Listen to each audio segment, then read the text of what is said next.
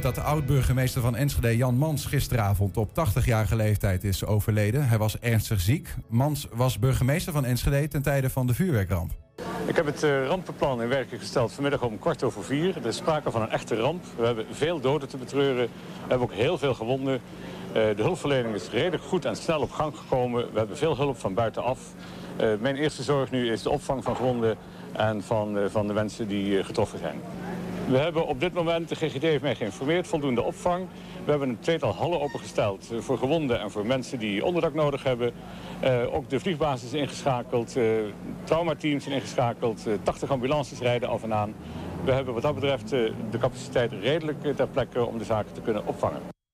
We praten over Mans met Dick Buursink, die toen als wethouder met hem in het college van burgemeester en wethouders zat. Dick, goedemiddag. Goedemiddag. Hoe kwam uh, dit nieuws bij jou vanochtend? Gisteravond misschien al? Nee, nee, vanochtend. Ik, ik, ik was op weg uh, naar, naar, naar, op de koffie bij iemand. En ik werd gebeld door RTV Oost. En die zeiden, ja, kunnen we commentaar krijgen op het overlijden van Jan Mans? Ja, het overlijden van Jan Mans. Ik had wel gehoord, toevallig, vorige week... Dat, dat, hij, dat hij ernstig ziek was. En zelfs terminaal. En ik had mij voorgenomen om nog even te gaan bellen. Want ik heb regelmatig contact met hem. Maar dat was er dus nog niet van gekomen. Maar ja, ik ben te laat. Is dat iets wat je vervelend vindt? Ja, vind ik vervelend, ja. Kijk, ik heb uh, met Jan uh, toch zeven jaar in dat college gezeten. En uh, veel meegemaakt natuurlijk. We hebben ook elkaar soms de maat genomen. Um, nou, de vuurwerkramp was natuurlijk heel intensief. Ook, ook qua samenwerking. Ja, vind ik vervelend dat ik hem niet nog even heb kunnen spreken. Ik heb afgelopen zomer nog een keer, uh, hebben we nog een half uur met elkaar uh, gefacetimed. Toen vond ik hem er wel breekbaar uitzien. Uh, je sprak elkaar nog regelmatig? Ja, ja, ja zeker. En wij, wij, zijn op dezelfde dag jarig. Oké, okay. dus, uh, feliciteer elkaar altijd even? Ja, dat schept Via? En we, we, sturen altijd een kaartje. Oh, ja. en, en, we hebben nou regelmatig, regelmatig, onregelmatig... als we er zin aan hebben of iets lezen... en denken, wat is dat dan? Weet je, dan, nou ja, dan belden we... Hm. Hoe, hoe gaat het, zo'n eh, relatie tussen een wethouder en een, en een burgemeester? Hij is de voorzitter van, van zo'n college. Ja. Ben je dan echt veel met elkaar uh, aan het babbelen? Hoe zit dat eigenlijk? Nou ja, hij is, hij is dus voorzitter. Maar onze relatie werd natuurlijk getekend door het feit... toen hij solliciteerde, was ik fractievoorzitter van de PvdA-fractie. Dat was ook toen al de veruit grootste fractie. En hij was een PvdA? Hij was een PvdA. Maar goed, alle mensen die gesolliciteerd hebben in Enschede waren allemaal PvdA's. Dus dat zat het niet in. En um, ik weet nog goed, het was dus in de winter van 93, 94. Dat, uh, nou ja, al die kandidaten die kwamen op gesprek. En het bijzondere van Jan was, hij was burgemeester van Kerkrade. Um, hij was de enige die zich echt heel erg had ingelezen op de geschiedenis van Enschede. Nou ja, na, na, ons gesprek vorige week weet je dat ik daar ook in geïnteresseerd ben. En dus hij, hij, hij stapte binnen, uh, charmant, een, een, een Limburg, hij komt uit Heerlen van oorsprong. Um, heel charmant en gelijk ook mooie verhalen over Enschede en over de geschiedenis van Enschede. Ja, dat geeft natuurlijk wel direct een soort band. Ja. He? Hij zou overigens, als alle kandidaten beschikbaar gebleven zouden zijn, dan denk ik niet dat Jan onze burgemeester geworden was. Er waren eigenlijk veel zwaardere kandidaten. Kijk, Jan was burgemeester van Kerkrade, maar we hadden ook Um, uh, oud-Kamerleden. We hadden de burgemeester van Zutphen. Er waren... die vielen al af in Ja, nou, die vielen niet af. Die zijn om allerlei andere redenen afgevallen. Ja. Of omdat ze zichzelf op het laatste moment terugtrokken. Of ander baantje. Ja, of een andere baan. Die, uh, iemand werd, die werd voorzitter van de HBO-raad. En die zei, ja, dat ga ik toch liever doen. Maar goed, Jan bleef dus op de, op de safe liggen. Mm -hmm. En eigenlijk, ja, vanaf dag één heb ik het goed met hem kunnen vinden. Ja. We hadden een enorm verschil van inzicht over die dubbelstad, dat wel. Dubbelstad? Ja, de Enschede Hengelo. Hè. De Co Wieringa, de voorganger van Jan Mans, had uh, bedacht dat het toch goed zou zijn voor die steden om, om, om te fuseren. Uh, ja, ik vond vanaf dag één van een belachelijk idee. Hè. Twee zelfstandige steden, één met 80.000 inwoners en één met 150.000 inwoners, die allebei een volledig uh, voorzieningenpakket hebben die ook hun eigen, mm -hmm. een eigen eigenheid hebben, eigenheimers zijn. En nou ja, dat was, ik vond echt iets van een bedenksel van mensen van buiten. En Jan nam dat over. Dat was echt, nou ja, was Jan zijn, uh, zijn hoofdpunt in die eerste jaren. Hij wilde die twee steden bij elkaar ja, hebben. Die twee steden ja, zouden ja. moeten fuseren. Nou, wat, wat, wat typeert hem dan gewoon als, als bestuurder zelf? Als, als, want je, blijkbaar heb je hem tot, tot, nog toe, tot nu toe bijna zeg maar, nog veel gesproken. als persoon, wat typeert hem? Nou ja, hij, hij, hij, lijkt wel een beetje op mij, moet ik zeggen. Of ik op hem. hoe je, hoe je Vurig? Ja, wel draufgängerisch, hè, zeggen ze dan in Duitsland. Hè. Eh, pittige bestuurder.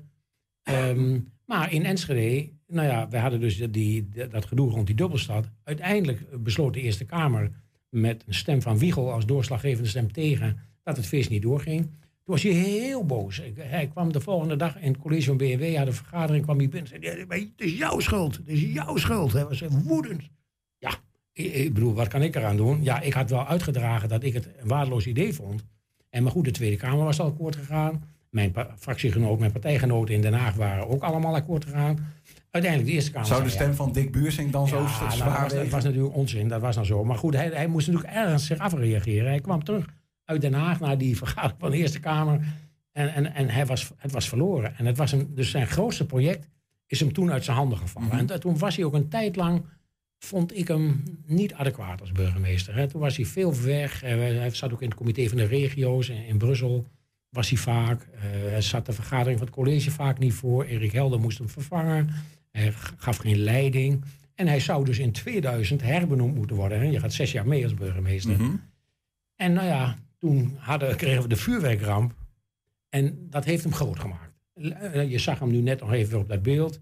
Ja, Eh, landelijk bekend. Opeens stond daar een zeer adequate bestuurder. Crisismanager. Crisismanager eh, Jan functioneert onder hoge druk uitzonderlijk goed. Dat kon hij dus goed. Dat kon hij heel goed. Dat werd hem ook in dank afgenomen. Zeker. Veel was- vonden, ja. dit is de burgervader die Ja. je wil hebben op dat moment. Totaal geen discussie meer geweest over zijn herbenoeming. Hij werd in 2000 herbenoemd. Maar dat was niet het einde van dit hele vuurwerkramp-traject. Nee, nou ja, toen hebben we dus dat. eh, dat eh, nou, laten we eerst maar eens beginnen bij het begin. Het handelen van die vuurramp is op zichzelf iets wat ehm, heel snel ontsporen kan. Hè? Eh, eh, bestuurders die zichzelf verliezen in paniek of in grote woorden die ze niet waar kunnen maken of in het roepen van dingen die eh, nog helemaal niet bekend zijn. Jan was vanaf dag één zeer adequaat. Ik meld alleen wat ik zeker weet en wat ik niet weet, dat meld ik ook niet. Dat is wel heel helder naar de Doe eens een voorbeeld van, vanuit die, die nou, tijd. een aantal doden. Hè. Je, je, je kreeg gelijk natuurlijk eh, bij zo'n grote ramp. op een mooie zonnige zaterdagmiddag waar heel veel mensen op afkomen. Heb je gelijk het beeld. Er kunnen wel, kunnen wel honderden doden zijn. Ja. Dat is natuurlijk een heel ander perspectief. Als je daar dus op die manier over begint te praten naar de buitenwereld als burgemeester. Er kunnen wel honderden En doden de zijn. pers zit er natuurlijk ook bovenop, hè, Nou ja, als, bloedzuigers. Het was natuurlijk binnen een uur stond dat hele plein vol. Ja. Met, met satellietauto's en, eh, en tientallen Dat journalisten. geeft nogal een druk, maar blijkbaar weerstond hij Ja, die druk en dat- zei dat- hij... Weer stond hij, hij, ik zeg alleen maar, vrienden, wat ik zeker weet. En wat ik niet weet, dat zeg ik niet. En wat ik ook heel slim vond, en hij had natuurlijk ook wel goede, goede adviseurs, elk uur een persconferentie. Moet je je voorstellen, elk uur een persconferentie betekent dat de gemiddelde journalist in de buurt moet blijven. Dus je kan niet denken, oh, over twee uur, over drie uur is er weer een persconferentie. Ik ga op zoek, zelf op zoek naar nieuws. Nou, dat, dat vond ik een briljante actie. Die eerste uren, elk uur een persconferentie. Ja, zelf het verhaal in de hand houden. Zelf het verhaal in de hand houden, zelf de publiciteit sturen. En dat, is, dat kon toen nog. Tegenwoordig heb je natuurlijk met, met, met sociale media, kan je dat helemaal niet meer.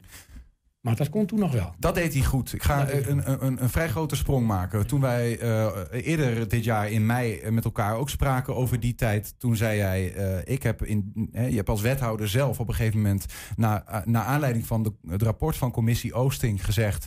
Commissie Oosting zei, Enschede heeft fouten gemaakt. Rijksoverheid heeft fouten gemaakt. En zij zeggen ook, de SC Fireworks heeft fouten Ja, ja. gemaakt. Jij vond, ik moet mijn conclusies trekken. Ik ben als wethouder verantwoordelijk voor de hele boel. Tenminste, niet als verantwoordelijk wethouder, maar ik ga. Het bestuur is verantwoordelijk. Het bestuur is verantwoordelijk. En je vindt ook dat de rest had moeten gaan. Daar is een hele discussie over geweest. Het antwoord is ja. Maar er is een hele discussie over geweest, omdat... Kijk, eh, je hebt mensen die zeggen je moet optreden. En je hebt mensen die zeggen je moet aftreden. Er is iets ergs gebeurd, dus je kan zeggen... ik voel me er verantwoordelijk voor en ik ga het aanpakken. Dat was Jan. En ik zei ja, je kan het wel aan willen pakken... maar je doet dat onder, onder de doem van dat mensen eigenlijk vinden dat jij gefaald hebt. Ja. Dat wij gefaald hebben als, als college, als gemeentebestuur. Ja. En eh, voor mij, ja, ik ben natuurlijk geboren in Enschede en getogen in Enschede. Je kent heel veel mensen, ook hier in dit gebied. Ehm, en ik dacht, ja, dat kan niet waar zijn. Het kan niet waar zijn dat wij eh, voor, voor, voor 400 miljoen euro, guldens waren toen nog, 400 miljoen gulden schade hadden. En 23 doden, eh, honderden gewonden. Nou, de stad getraumatiseerd. Het kan niet zo zijn dat wij hier allemaal blijven zitten. Hè? We doen een plas en alles blijft zoals het was. Dus ik, ik vond dat niet kunnen. Maar Jan zei, ik ga optreden. En hij, is daar, hij is daar, heeft daar erg veel kritiek op gehad. hij was natuurlijk toch ook vooral primair verantwoordelijk voor de brandweer. Het optreden van de brandweer. Daar was veel kritiek op. Uh, de vraag was of de brandweer, brandweer wel adequaat ingericht was op het handelen van die, van die vuurramp. En of ze hun werk wel goed gedaan hadden. Uh, dat zou voor menig burgemeester hebben betekend... oké, dat, trek ik me aan. Ja, voor de veiligheid van de stad toch ook ja, wel. Gewoon, nou ja, bestuurlijk verantwoordelijk. Ja. Zei die, heeft hij zelf ook toegegeven.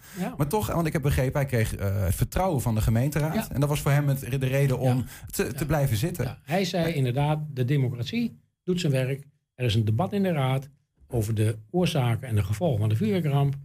Is er vertrouwen in mij als burgemeester dat ik het verder af kan handelen? Zo ja, dan blijf ik. Waar, waar, heb je, Dick, met hem in de jaren nadat hij ook in Ens uit Enschede wegging? Hij ging naar Venlo mhm. eerst, uh, daarna nog op andere plekken. Nee, hij is met pensioen gegaan. Hij, hij, woonde in Meersen. Ik ben een jaar of twee na zijn vertrek... Uh, hebben Ida en ik, mijn vrouw en ik, een weekend bij hem gelogeerd. Samen lekker gegeten. nou, veel gepraat. Waar, waar, heb je het dan over? Of is dat iets wat nou je... Ja, dan heb je het over de gemeente Enschede, over de dingen die gebeuren. Maar ik, wat ik opvallend vond, dat hij tegen me zei... ja, ik heb nog dozen vol over de vuurwerkramp. En die durf ik nog niet uit te pakken. Dat vond ik. En toen had ik ondertussen al. Wat bedoelt hij daar dan mee? nou, dat, hij, dat hij dat emotioneel eigenlijk niet aankon. Hm. Om die dozen open te trekken en alles wat hij dan tegen zou komen, om dat, uh, om, nou ja, om dat nog eens weer te bekijken. En ik had ondertussen, uh, nadat ik afgetreden ben, heb ik het boek geschreven. En waarin ik het eigenlijk een beetje van me afgeschreven heb. Hè. Het boek heet Getekend. Uh, nou, dat is letterlijk. Hè. Ik had, mijn handtekening stond op de vergunning en ik was als persoon getekend door die mhm. vuurwerkramp. Um, nou, dat vond hij eigenlijk wel mooi, dat boek. Maar zelf, zelf was hij heel, zo stoer als hij was en zo erover en uh, ik heb het allemaal verwerkt. Maar die dozen. Maar toch eh, is daar iets geks, want je hoort ook wel eens van mensen die hem dan in uh, latere documentaires terugzien. Onlangs nog één gemaakt, die is volgens mij nog niet uit. Maar dat, daar krijg je wel eens het gevoel dat, dat hij ook wel die zegt, hij heeft, hij heeft ooit een keer gezegd: het was mijn hoogte, het hoogtepunt in mijn carrière. Een beetje gekke bewoording. Alsof het. Ja, het was ook wel de tijd dat hij vol in de spotlight stond. Ja, ja maar dat zit er. Ik denk, het geldt voor mij ook wel. Ehm, je bent bestuurder van een stad. Dan gebeurt er iets wat bijna nooit een bestuurder meemaakt. Namelijk een enorme calamiteit. Mhm. Waarbij een beroep wordt gedaan op alle, alle kennis en vaardigheden die je hebt. dus in, dit is beroepsmatig is natuurlijk een hoogtepunt. ik, ik, heb nooit in mijn leven zo hard hoeven werken als dat jaar na de vuurwerkramp. En ik heb nooit zulke interessante dingen meegemaakt als het jaar na de vuurwerkramp. Nooit zoveel emotie in de stad beleefd als het jaar na de vuurwerkramp. Mensen die, die getraumatiseerd zijn en die bij jou aan het bureau komen, huilend. En die, en, en die verwachten van jou nou ja, dat je hun, ons, ontlast van hun probleem. Dus in die zin is het een hoogtepunt, omdat al je competenties in dat jaar uh, aangesproken worden. Tot slot, Dick. Um, Jan Mans werd uh, 80. Hij overleed na uh, een ziekbed van kanker, geloof ik. Ja.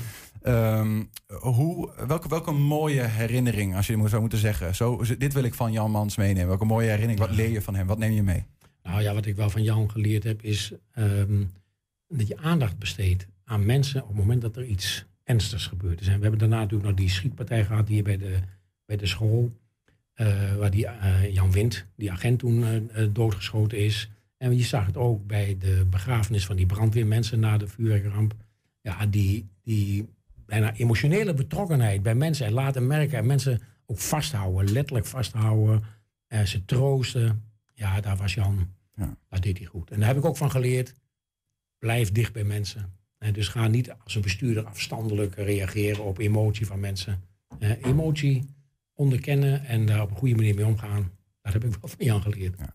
Ik begrijp dat je, dat je bijna eh, ook wel een, beetje een vriendschappelijke uh, verhouding met, met hem had. Als ik dat zo een beetje hoor. Je had nog veel contact. Dus bij deze ook gecondoleerd. Ja, ja dankjewel. En bedankt voor, uh, voor, voor, ja, voor het persoonlijke verhaal erbij. Dick Beursink hoorde je.